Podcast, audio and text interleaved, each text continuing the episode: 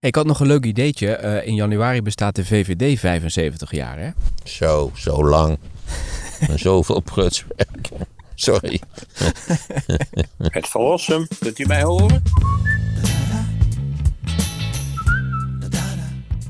Het is me opgevallen in de actualiteit.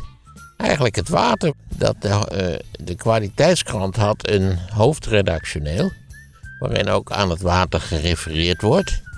En aan het feit dat de overheid, zonder dat eigenlijk heel erg duidelijk te stellen, maar ja, zo nu en dan. En als je alle onderdeeltjes bij elkaar veegt en aan elkaar eh, klikt, een soort van Lego-setje zal ik maar zeggen. Dan eh, heeft de overheid besloten eigenlijk om toch West-Nederland op de been te houden, ondanks de stijging van eh, de zeespiegel en ondanks het waterprobleem waar we in West-Nederland natuurlijk eigenlijk al heel lang mee zitten. En dat sloot weer aan bij een ander stukje wat ik las, alweer vergeten waar natuurlijk, zoals gewoonlijk bij mij, waarin werd gezegd dat ze echt nu in West-Nederland gaan stoppen met het verlagen van het grondwaterpeil. Want je weet, door het inzakken van de bodem in West-Nederland, of althans in de veengebieden natuurlijk, eh, was er altijd maar een dringende noodzaak om het grondwaterpeil te verlagen. Want anders zou de zaak eh, drassig worden, vanzelfsprekend. We hebben nu besloten, en ik moet zeggen, het was een van de grote waterschappen, om daarmee op te houden.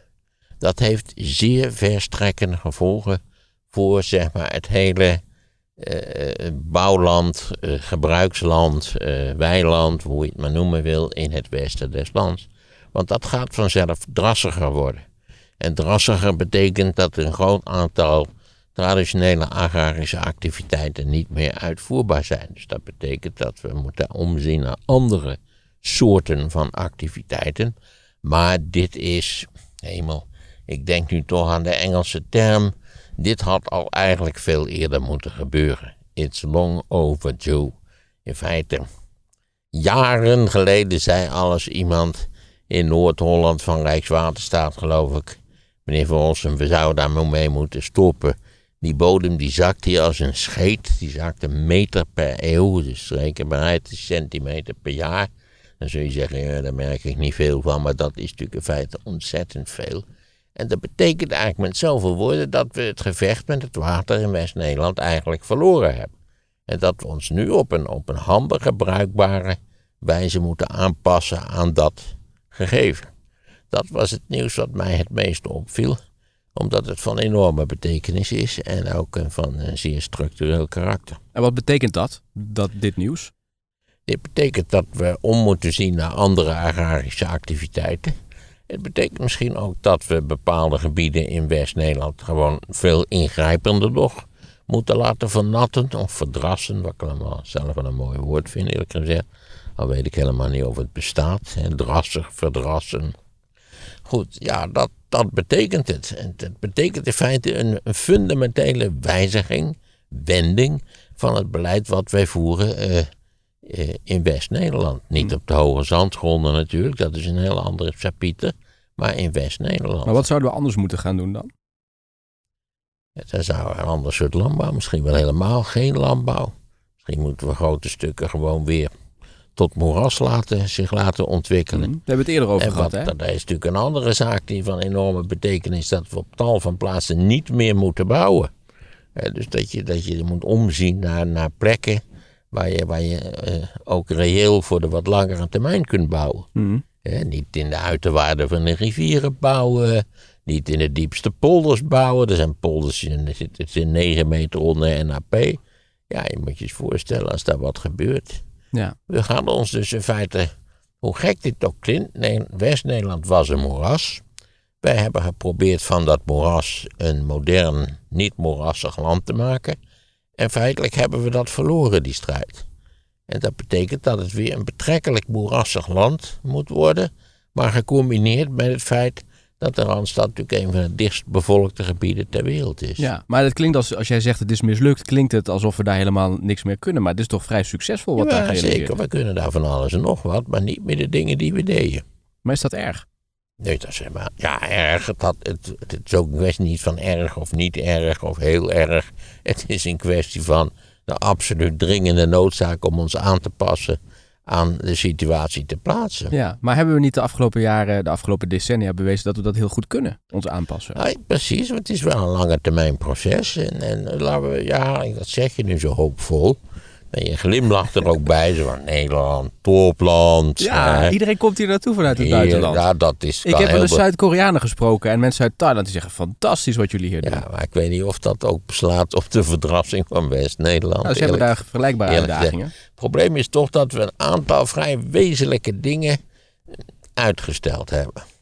Voor het gemak de andere kant op hebben gekeken. Want het stikstofprobleem is misschien wel meest kenmerkend. Dat bestaat natuurlijk ook al bijna 50 jaar. We hebben er een zak aan gedaan. Behalve wat pleisters plakken die uiteindelijk door de, door de Raad van State verboden zijn.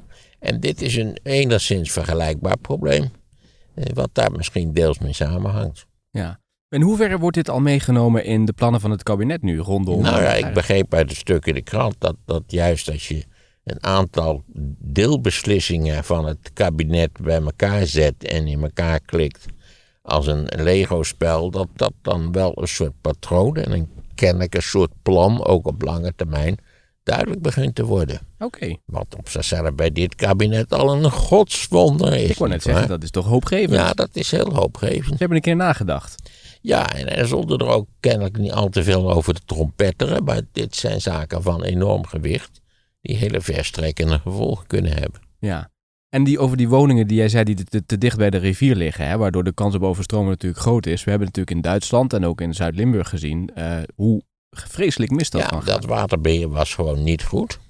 Vaak zijn die rivieren die zijn versmalt en dus verdiept. Maar dat betekent wel dat ze bij, bij extreme regenval in feite het water niet kwijt kunnen met alle gevolgen die we gezien hebben. Er zijn in, in, in, de- uiterwaarden van de Maas meerdere malen overstromingen geweest. Dat is natuurlijk een regenrivier die plotseling pl- eh, eh, aanzienlijk meer afvoer van water kan krijgen. En ja, dat hadden we niet moeten doen. Je moet gewoon huizen bouwen in een uiterwaardengebied. Dat, op dat punt hebben we al een, enige tijd geleden een structureel beleid ingezet. Geef de rivier de ruimte. Het Zwarte Ooievarenplan, geloof ik, heette dat. Ja, en werken met de natuur wordt dan ook altijd genoemd. Ja, en dat betekent dat je die, die uiterwaarden eventueel op plaatsen waar dat mogelijk is, aanzienlijk kunt verruimen. Ja. Ik zal, ik zal mijn, mijn, de plaats waar ik opgegroeid ben als voorbeeld geven, Wageningen. Een heel leuk plaatsje, gelezen, gelegen aan de Nederrijn. Met een prachtig uiterwaardengebied. En, en nou ja, de, de bekende mafketels eh, waren daar in de jaren 50 van plan om die uiterwaarden vol te bouwen. Dat was een ideale expansiemogelijkheid voor. Maar ja, het, dat is misschien een punt. Ik weet niet of we daar überhaupt structureel aandacht aan kunnen besteden. Hoe is het toch mogelijk? Niet waar dat je ook, waar dan ook maar in de wereld voortdurend halve garen aan de leiding krijgt, waar je dan enorm mee in je maag zit. De Poetins, de Xi Jinpings, de Erdogans, nou ja, die hele club van kletsmajoors en onderdrukkers, die op een of andere geheimzinnige wijze overal aan de touwtjes mogen trekken. Maar goed, dit, dit Tussen haakjes. dit ter zake nu, ja, dit was een plan van de gemeente Wageningen. Geweldig, leuk. Ze hebben goed beleid? Dynamisch, jaren 50. We gaan, we gaan er iets van maken, dat werkt. De wederopbouw. Eh, dat plan is, eh, godzijdank, afgeblazen door Rijkswaterstaat. Die toen al zei, ja wacht eens even, die rivier heeft de ruimte nodig. En iedereen die woonde in Wageningen kon getuigen dat, dat gebeurde niet elk jaar, maar toch met enige regelmaat die uiterwaarden zowel aan de zuid- als aan de noordkant vol liepen. En dan had je een waterplas van drie kilometer breed van Wageningen naar weet ik veel. eh, had je aan de overkant Ochten of zo. Of, of, of eh, nou ja, die plaatsjes in de Betuwe. Dus ja, het was, echt, was een volkomen geschift idee om die uiterwaarden vol te bouwen. Ja, ik hoorde van de week Jan Rotmans. eh, eh, hij is professor aan de Erasmus Universiteit. En hij had een filmpje over 2121. En daarin vloog hij eigenlijk over Nederland heen en liet hij dus zien hoe het land er waarschijnlijk dan uitziet. Het was een soort van voorstel. En hij zei, we moeten dan ook gewoon, dat was een van de dingen die opviel, het water staat dan veel hoger. We moeten gaan leven op het water. Dus hij zei, de Noordzee helemaal volgebouwd. Eh, ook het Westland, daar eh, moeten we hele andere vormen van bouwen en huizen weergeven. Wat moeten we gaan creëren? Lijkt je dat wat? Nou, ik moet zeggen dat hij dat hij toch wel iets gesnoven moet hebben om op dit plan te komen. Omarm de chaos heet ook zijn. eh, Het lijkt is mij- een professor. Ja, ja, ja, ja. Er is geen grotere misvatting dan te denken dat ook onder de professoren niet een grote hoeveelheid wonderlijke halve hagen schuilt. Is dat zo? Ja, jij kunt het weten. vaak zijn ze het geworden omdat ze, zeker in hun jeugd, briljante ideeën hadden waar ze iets mee gedaan hebben. Eh, Vaak verdorren de briljante ideeën, maar ze zitten ze nog een hele lange, lange tijd. En dan hebben ze wel de neiging, denk ik, deels om gek te worden. Of, of Geldt dat ook voor jou? Of, Dus een- bazig, of bazig te worden. Ik ben pas in een heel laat stadium ben ik hoogleraar geworden. En bovendien niet een regulier hoogleraar, maar een bijzonder hoogleraar. wat betekent, ben je nog... Nou, dat betekent dat je voor, voor één, nee, ik denk twee, één dag in de week in feite geacht wordt iets te doseren. Een leeropdracht uit te voeren, die in mijn geval ook vrij zonderling was. Ja. Dus Maar hoogleraar is hetzelfde als professor, hè? Ja, dat is precies hetzelfde. Maar ja. waarom gebruik je het woord hoogleraar? Want ik vind professor vind ik toch ook meer bij jou passen. Nou, professor klinkt beter. Ja, dat is een beetje professor Sick Bok, professor Lupardi en al die andere knettergekke professor, de gekke professor. Ik weet niet hoe het, hoe het wettelijk, als je nou, ik zou mijn con- werkcontract moeten kijken of daar nou hoogleraar staat.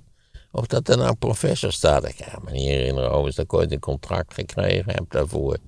Kijk, een, een, een bijzonder hoogleraar, eh, dat, dat is heel wat anders dan iemand die zo'n afdeling moet leiden eh, door, de, door de woelige baren. Ja. Maar deze Ja, want professor... je krijgt er ook maar duizend piek voor per jaar. En dan moet je geloof moet je goed gepoetste zwarte schoenen van kopen. Ja, Die Ook- ik nooit gehad heb, zoals je weet. nee.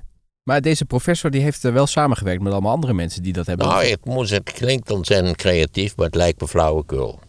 Het is een... eh, Ik denk eerlijk gezegd dat als we honderd jaar verder zijn, dat, eh, eh, dat de bevolking kleiner zal zijn dan die nu is. Ik denk dat daar wel een vrij rap een eind aan zal komen in de, de komende honderd jaar. Honderd jaar is een ontzettend lange periode, historisch gezien ook. Daar kunnen echt hele rare dingen in gebeuren.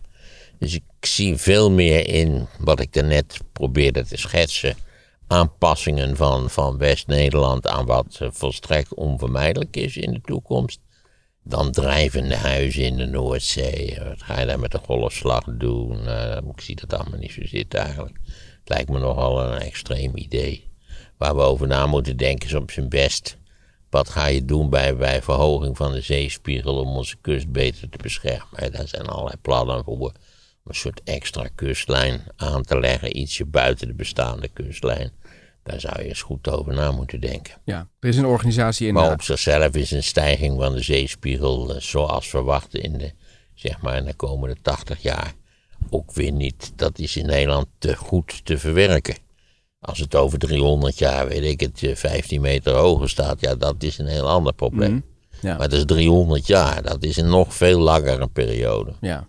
En er, zit, er zit hier voortdurend een tijdsdimensie in waar je rekening mee moet houden.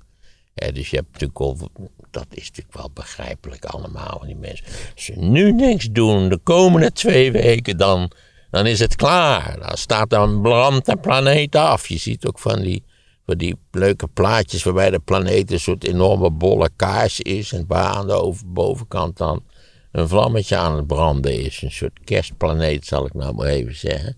En dat moet, daar moet je. Paniek, daar heb je geen bal aan. Hè?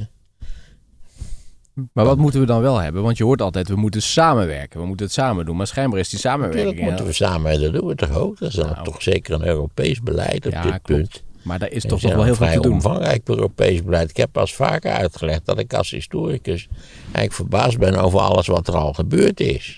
Hè, dit is een- zo'n, zo'n, zo'n, laten we zeggen, transitieproces, als wat noodzakelijk wordt geacht en waarschijnlijk ook is. Dat is enorm complex. En dat, dat, kan, dat neemt decennia in beslag. En als je dan alsmaar op paniek in de tent, als we niet, niet over volgende week iets doen, dat, dat, dat helpt niks. Nee, maar er wordt wel gezegd, dat hebben we nodig om de urgentie te voelen. Om nu echt stappen te zetten. Anders wordt het Nou, weer op de volgens lange baan wordt die urgentie vrij goed gevoeld, eerlijk gezegd. Maar waar baseer je dat dan op? Op het feit dat we, maar moet je eens even kijken wat we doen aan windmolenparken. Eh, ik, ik ken bijvoorbeeld een, een oudere man die dit, eh, zich niet gauw op stang laat jagen. Die tot mijn stomme verbazing 12 zonnepanelen besteld heeft. Namelijk ikzelf. Dat is dan recent nieuws. Ja, dat is nieuws. Ja. Ja. Dat is nieuws. Ze worden pas volgend jaar voorjaar geloof ik geïnstalleerd. Dus deze winter hebben we er in ieder geval geen bal aan. En wat was de reden dat je overstag bent gegaan? Nou, omdat de buren dat ook hadden gedaan. Die hadden een plan en dus die hadden een leverancier. En die huizen die zijn deels identiek aan elkaar. Dus ik dacht, nou ja, dit is, dit is mijn kans. Ja, dus ze kwamen een- naar je toe van, Maarten, doe je ook mee? Ja, ja, nou, ze vertelde erover en toen zei ze, is niks voor jou. En ja, toen dacht ik, ja, waarom niet? Ja. Nou, mijn ouders hebben het ook gedaan en die dachten vooraf ook van, nou ja, we moeten het nog maar eens zien. Maar ze zijn nu ontzettend blij en ze zien dus nu ook wat teruggeleverd wordt. Zeker in Ja, de zomer. zeker. Ja, al, al zie je natuurlijk in het meegestuurde statistiekje dat natuurlijk die dingen voornamelijk energie opleveren wanneer je het niet nodig hebt. Ja. Maar goed, dat hoort er nou eenmaal bij. Oké, maar je krijgt ze volgend jaar, dan worden ze gelegd. Ja, dat Ja. heb ik begrepen, ja. Ja, oké, dus daarmee wil je aangeven van het duurt lang, maar stapje voor stapje worden ook de grootste criticasters voorstander van dit beleid. Nou, criticaster vind ik een ongelukkig woord, omdat dat eh, volkomen verkeerd gebruikt wordt tegenwoordig. Je hebt critici en je hebt criticasters. Critici zijn mensen die terechte en samenhangende kritiek leveren, hè, zoals het hoort. Criticasters zijn eigenlijk mensen die, die, die geen, geen samenhangende behoorlijke kritiek leveren. Criticasters zijn slechte critici. Alleen wordt het tegenwoordig allemaal verkeerd gebruikt. Net als de media is. Nee, de media zijn. Het is een meervoud. Ja. Het is daar niet in te meppen werkelijk. Nee, en het aantal is, want het, het aantal is ook een enkelvoudwoord, hè? Ja, zeker. Ja, je hoort, hoort vaak mensen corrigeren. Allemaal inderdaad. zaken die waar ook meer opgelet zou moeten worden. Ja, maar dan toch nog even over dat samenwerken. Want ook bij dit soort bijeenkomsten en congressen over dit soort thema's zeggen ze allemaal aan het einde, we moeten meer samenwerken. Waarom is dat zo'n probleem, dat samenwerken? Nou, ik weet niet met wie. Dan is de vraag met wie willen ze samenwerken. Ja, en, met de triple helix. Dus gemeentes, eh, dus de overheidsinstellingen, bedrijfsleven en ja, nou, we kennisinstellingen. hebben in Nederland wel een beetje een oerwoud aan, aan instituties gecreëerd eh, over de afgelopen decennia. Daar zouden we nog eens goed naar moeten kijken. Niet waar? Dat bleek natuurlijk ook bij de COVID toen er een beetje druk op de machine kwam. Dat het, ja, ze gingen allemaal eindeloos overleggen op weet ik hoeveel verschillende niveaus. Met als gevolg dat we dat de traagste starters waren met de, met de vaccinatiecampagne. Dat kwam uiteindelijk wel goed, maar het was natuurlijk toch wel een vrij pijnlijk moment. Wat simpelweg te wijten was aan de boel op het feit dat we het verkeerd georganiseerd hadden. En ook verkeerde uitgangspunten hadden gekozen in dat vaccinatiebeleid. Maar dus ja, je moet even uitzoeken met wie je dan samen moet werken. Maar goed, wat die, eh, eh, sowieso, eh, laten we zeggen, installaties voor een energieopwekking zonder dat er fossiele brandstof verbrand moet worden, worden op grote schaal gebouwd. Nu ook commercieel. Het is zelfs, ik begreep dat er grote windmolenparken neergezet worden zonder subsidie. Ja. Dat is vrij indrukwekkend toch? En wat, ik, wat mij ook vol opvalt is ook dat steeds meer grote bedrijven dit verhaal gaan verkondigen. Hè? Van we ja, moeten... die kunnen er namelijk ook goed aan verdienen. En Het is natuurlijk ook voor de grote oliemaatschappijen, die natuurlijk ook een lange termijn investeringsstrategie moeten hebben. Die moeten wel rekening houden met het feit dat als die transitie doorzet, wat die tenslotte zal doen, naar mijn idee. Ook omdat de technologie ook aan de lopende band verbetert en verandert en efficiënter wordt. Eh, Die zullen daar natuurlijk ook op in, in, in, in instappen. Ja. Of willen instappen. Ja, ja. En dat is- stip je natuurlijk wel een terecht punt aan, want er zijn ook bedrijven die denken, hey, hier is iedereen mee bezig, laten we dit ook eens gaan roepen. Maar ondertussen stoten ze aan de achterkant nog heel veel vervuilende spullen Dat uit. is hier wel mogelijk natuurlijk. Het greenwashing. Dat is hier wel mogelijk. Ik las een ander interessant stuk. Dat Zweden zo ontzettend veel elektrische energie heeft, over heeft eigenlijk. Vanwege al die watervallen die ze daar natuurlijk hebben. eh, Dat ze daar bijvoorbeeld wel een soort van staalindustrie kunnen bouwen waar eh, waterstof eh, als grondstof voor de, voor de energieopwekking wordt gebruikt. Nou ja, dat, daar kun je ook eens nadenken. Verplaatsen industrie naar plekken waar je in principe aan, aan relatief goedkope groene energie kunt komen. Ja. Maar ik was vorige week bij een bijeenkomst van Tata Steel en er was een, een man van Tata Steel en die zegt, wij gaan een hele belangrijke rol spelen in het op grote schaal neerzetten van, van waterstofgebruik. Daar gaan wij de Nou, hoofdleverancier van. Misschien kunnen ze dan eens in Nijmuiden beginnen. Hè? Volgens mij is dat Want wij hebben een probleem natuurlijk met energie. Want er nou was ander raar nieuws. Dat in Nederland het stroomnet niet, niet in staat is om in feite nieuwe, a- aan nieuwe eisen te voldoen. Dat is natuurlijk een vrij pijnlijke zaak. Kijk eens, we hebben dat afgestoten naar de commercie. En, en kennelijk heeft die commercie de, de, de investeringsnoodzaak niet bijgehouden. Met dat gevolg dat ik begrijp dat je in tal van de onderdelen van Nederland kun je niet een, een, sterk stroomvragend bedrijf stichten. Dat, dat kan helemaal niet. Dat, kan het net niet aan. Dan ook weer zo'n toestand. Dat kan het net niet aan. Wat is er nou voor prutswerk? Hoe, anders kun je het toch niet noemen. Gewoon prutswerk. Maar niet verder gekeken dan de neus lang was. Maar dat is op zich toch niet zo gek, want dat netwerk is niet ingericht op de transitie die we nu aan het doormaken zijn. Nou, dat is heel treurig natuurlijk, want dat, die transitie is al lang gaande. Nou ja, relatief gezien toch ook weer niet zo heel Ja, lang. jaren is die gaande, toch? Hoe lang staan die windmolens niet her en der? Ja, maar goed, dat is... Ga desnoods eens in Duitsland kijken. Moet je in de voormalige DDR, waar toch niemand woont, dus daar kunnen ze volzetten met die molens. Dat is ongeveer Mecklenburg-Voorpommern. Daar staan meer molens dan er mensen wonen. Ja, Gaat het daar wel goed met het netwerk? Ik heb geen flauw idee. Ik vermoed van wel, maar ik heb geen flauw idee. Nou, maar op zich is het toch niet heel eh, lastig te argumenteren dat er te veel druk nu komt op dat netwerk, dat daar iets moet gebeuren. Waar trouwens ook volgens mij over nagedacht wordt. Nou, niet zo, niet zo actief dan dat dat op dit moment een noodsituatie bestaat. er komt zo'n druk op die elektriciteits... Ja, eh, dat ongetwijfeld, maar dat, had je, dat kun je toch zien aankomen, of niet? ja, nou ja, dat kun je wel zien aankomen, maar je hebt natuurlijk in een tijd Als de gebouwd. autovoorraad in Nederland verdubbelt, ja, dan komt er druk op het, eh, de infrastructuur. Dan zul je nieuwe wegen moeten aanleggen. Ja, maar het netwerk is natuurlijk aangelegd in een tijd dat die discussie nog niet speelde. kijk eens, wat is nou anders dan als je, als je een, een, een, een essentiële industrie runt, dan betekent wel dat je ook naar voren kijkt. En dat je niet doet wat ze waarschijnlijk gedaan hebben, jongens. Het rendement zo hoog mogelijk en dan knijpen we investeringen een beetje af.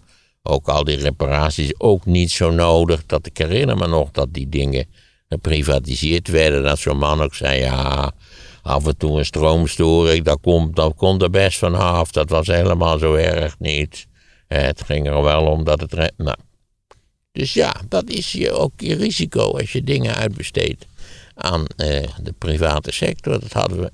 We hebben daar eigenlijk ook nu in die, in die energiecrisis waar we mee te maken hebben, hebben we daar verschrikkelijke spijt van. Niet alleen M. van Rossum, die er sowieso niks mee te maken heeft, maar je hebt vast wel gelezen dat het CDA en de VVD er ook vreselijke spijt van hebben. Ja, dat is, die hele privatisering is natuurlijk veel te ver doorgeschoten. Allerlei dingen die aan de gemeenschap zijn om uit te voeren op de juiste wijze, die zijn afgestoten naar het private bedrijfsleven. Wat, eh, het is nu helemaal niet anders, hele andere prioriteiten heeft dan de gemeenschap heeft. Ja, dan zullen luisteraars zeggen, ja, dat is het stokpaardje van Van Rossum. Dat hoort Zeker is dat het stokpaardje van Rossum, daar kon wel die wel eens 100% gelijk in hebben. Had hij niet altijd al gelijk op dit punt? Dat dat geprivatiseerd, dat dat eigenlijk maar een heel beperkt project is. Hmm. Wat ik wel nog interessant vind, is dat er dus ook gewerkt wordt aan auto's. Bijvoorbeeld, jij hebt een hybride auto, toch? Ik heb een hybride auto, dat is een vrij ruime auto, mag ik wel zeggen. En ik doe dan wel mijn best, dat moet ik erbij zeggen. Het het zit ook vol met apparatuur waardoor je kunt zien of je wel of niet zuinig rijdt. En ik kan met die auto zonder al te grote problemen 1 op 19 rijden. Ja, maar het wordt dus ook een, een bron van energie voor je huis straks. Je kunt Dat zou kunnen, dat je dan, dan dus die accu die in die auto zit, die kun je dan opladen met die, met die panelen. Maar allemaal stekkers en weet ik het. Ik moet, kijk, ik word er nou al zenuwachtig van. Maar in principe is dat een mogelijkheid, ja. Want dan zou dus die auto, dan moet je hem volgens mij wel in de buurt van je huis zetten. Dat doe je nu Ja, niet. dat doe ik toch al sowieso niet. Hè, Nee. Omdat je, je hebt hier allerlei bomen in de straat. En er zitten vaak vogels in. En nou, Ja. als er zo'n zwerm boven je auto heeft gezeten, dat is een, een, feest om schoon te maken, kan ik wel zeggen. Maar dat is wel een interessante gedachte, toch? Dat, dat de bron wordt de energie van je huis. Dat zou kunnen. Dat zou kunnen. Maar het is natuurlijk handiger dan om een batterij in je huis te installeren uiteindelijk, denk ik. Ja. Nou ja, je wil die Want als je dan verhuist, dan neem je je batterij dan mee of zo. eh, Nou ja, die Dan energie, is dat... die batterij wil je gaan opladen, hè? dat er ook plannen, die, dat die, eh, die batterijen in auto's degraderen, toch? Over een, over een periode van enkele jaren. Maar ook als ze dus zeg 60, 70 procent capaciteit over hebben, wat voor de auto waarschijnlijk te weinig is. Dat kan voor een huis heel nuttig zijn. Ja. En dan kan je dus je overenergie die je, met je bijvoorbeeld met je zonnepanelen genereert, die kun je in die accu laden. Ja. Maar ja, nu kun je, je kunt ook terug het net op, eh, opdrukken, toch? Ja. En dit- kun je doortrekken, want vrachtwagens die hebben natuurlijk grotere capaciteit. En die zou je bijvoorbeeld voor industrieterreinen kunnen gebruiken. Zeker. Nou, we hebben hier lijn 8. Lijn 8 rijdt elektrisch. Ja. Maar die wordt niet gebruikt, denk ik, om eh, op eh, de Uithof eh, de universiteit van stroom te voorzien. Nee, vast en zeker niet. Nee. Nee. Nee. de universiteit is een van de grootste energieverspillers ter wereld. Ja, dat heb je al eens Ik verteld. heb mijn anekdote toch wel eens. Over de verwarming die op Twee 21... weken dicht met de, met de kerst en oud en nieuw. Om de verwarming uit te kunnen zetten die ze volop hadden door laten draaien. Ja. Overigens moet ik zeggen, wij zijn ook slecht bezig. Want, of ik ben slecht bezig, want de verwarming staat aan Ja, in deze auto omdat het zo koud is. En dit is geen elektrische auto, dus... eh, nee, dat is waar. Dus je spaart het ook niet op op een of andere manier. Zeker. Dus het is zaak om, om na deze auto, die natuurlijk op, toch wel een beetje op de laatste beentjes loopt, om, een, om een hybride of eventueel een elektrische auto aan te schaffen. Ja. Hey, en nog één dingetje. Eh, we hebben een probleem met het maken van eh, batterijen straks. Want dat schijnt door alle grondstoffen die er ook voor nodig zijn steeds moeilijker Ja, te worden. zeker. Maar dat betekent ook dat die grondstoffen zijn er wel, maar dan zul je opnieuw eh, exploratie moeten doen. Dat is net als met kolen en, en olie natuurlijk. Ja, Als we, als we deze transitie uitvoeren, blijft er voor 400 jaar kolen in de grond zitten. Dus ik denk dat ook voor de grondstoffen voor die batterijen er wel zijn, maar dat de exploratie op dit punt achtergebleven is. Ja.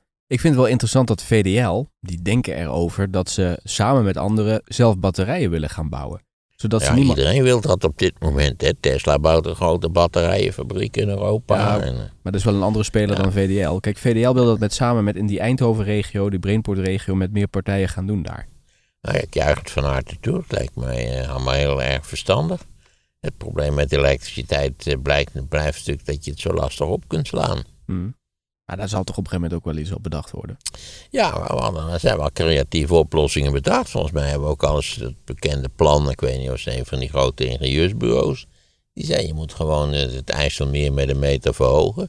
En dan kan je die door, door dat, dat, dat, is een klap water, hallo. En dan kun je dus door in- of uitstroom kun je in principe elektriciteit opslaan. En als je het eruit laat lopen kun je het, kun je het gebruiken. Maar dat is afgewezen, als ik het goed heb begrepen, door de overheid. Omdat de dijken rond het IJsselmeer niet als bijzonder betrouwbaar werden gezien. Hm. Dus dat zou je dan eerst betrouwbaar moeten maken. Ja, dat is natuurlijk een megaproject.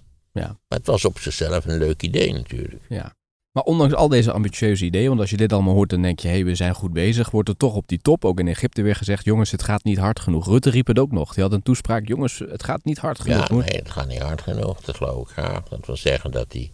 Maar dat, dat hangt dus veel meer samen met, met die, met die megalanden in, in, in Azië, India en China. Kijk, die hebben allebei 1,4 miljard inwoners. Die zijn nog bezig aan een traject naar grotere welvaart. Zeker India staat er nog mee, aan, aan het begin. Ja, dat, dat wordt natuurlijk een, eh, wordt een probleem. Omdat dus met het, met het welvarender worden van die landen ook natuurlijk de CO2-uitstoot zal toenemen. Ja. Ik had nog een leuk ideetje. Eh, in januari bestaat de VVD 75 jaar, hè? Zo, zo lang.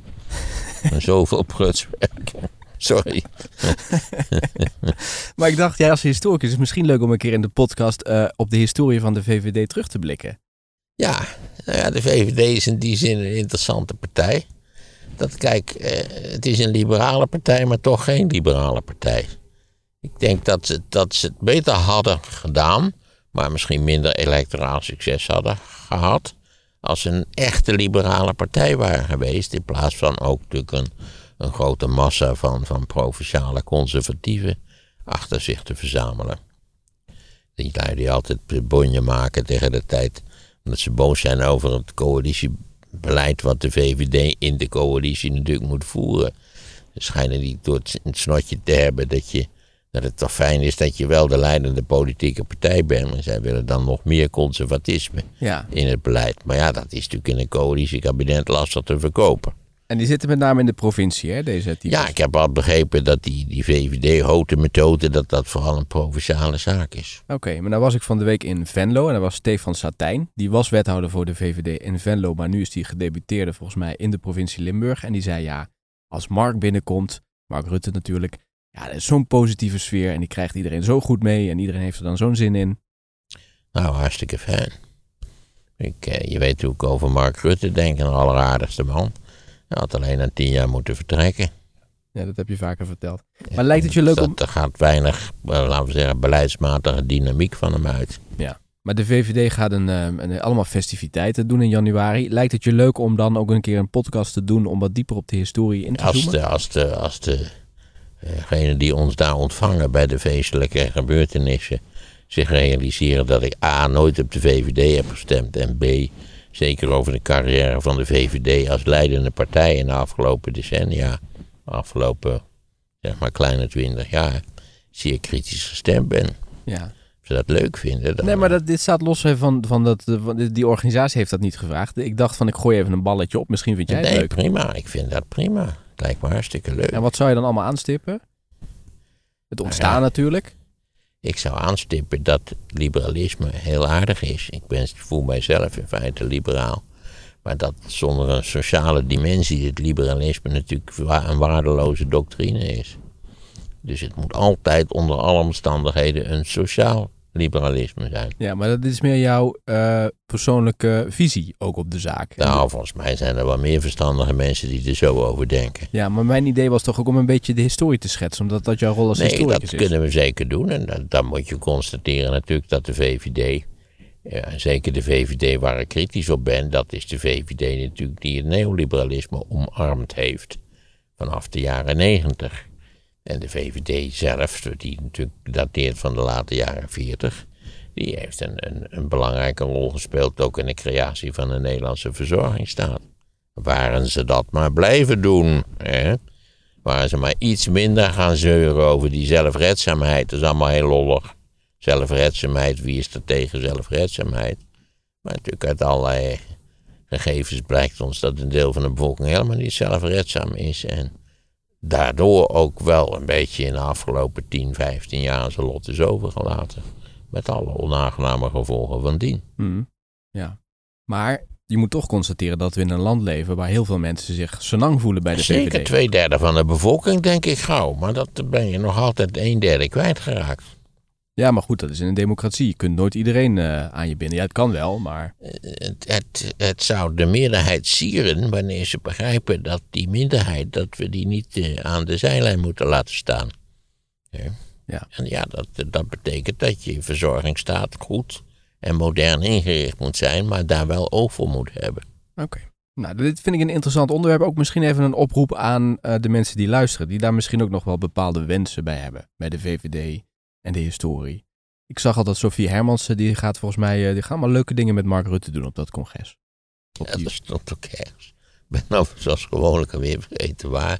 Dat een of ander reclamebureau, wat ook met deze feestelijkheden iets van doen had, een fantastisch plan had verzonnen. Dan een meet and greet with Mark, met Mark Rutte Ja, en Sophie. Hermans. ja, en dat was het, ja. dan moest je 7500 piek betalen voor de meet and greet. Ik kreeg ook nog een glaasje bubbels, zoals dat altijd heet. Hè. Weg met alle alcohol met, eh, met eh, bubbels erin. Dat is door beide dus eh, afgeblazen als volkomen belachelijk. Ik moet ook zeggen, een meet and greet met, met Rutte en Sophie Hermans voor 7500 piek. Voor vrij prijzig eerlijk gezegd. Maar wat is daar dan misgegaan? Want waarom is dat dan gecommuniceerd in eerste instantie? Nou, kennelijk niet met degene die gemiet en ge- ge- gegriet, moesten worden. wel onhandig dan dit. Ja, want het maakt natuurlijk ook een beetje een beroerde indruk naar buiten toe. Dat je bij de, bij de feestelijkheden niet waar ook zegt van, we kunnen er ook wel wat geld aan verdienen. Ja. Nou ja, de beide betrokkenen hebben onmiddellijk gezegd, nee, dat wilden ze niet. En nee, nee, geen sprake van. En ze waren bereid om gratis en voor niks met iedereen te spreken. Ja, een beetje Terecht raar. natuurlijk. Ja.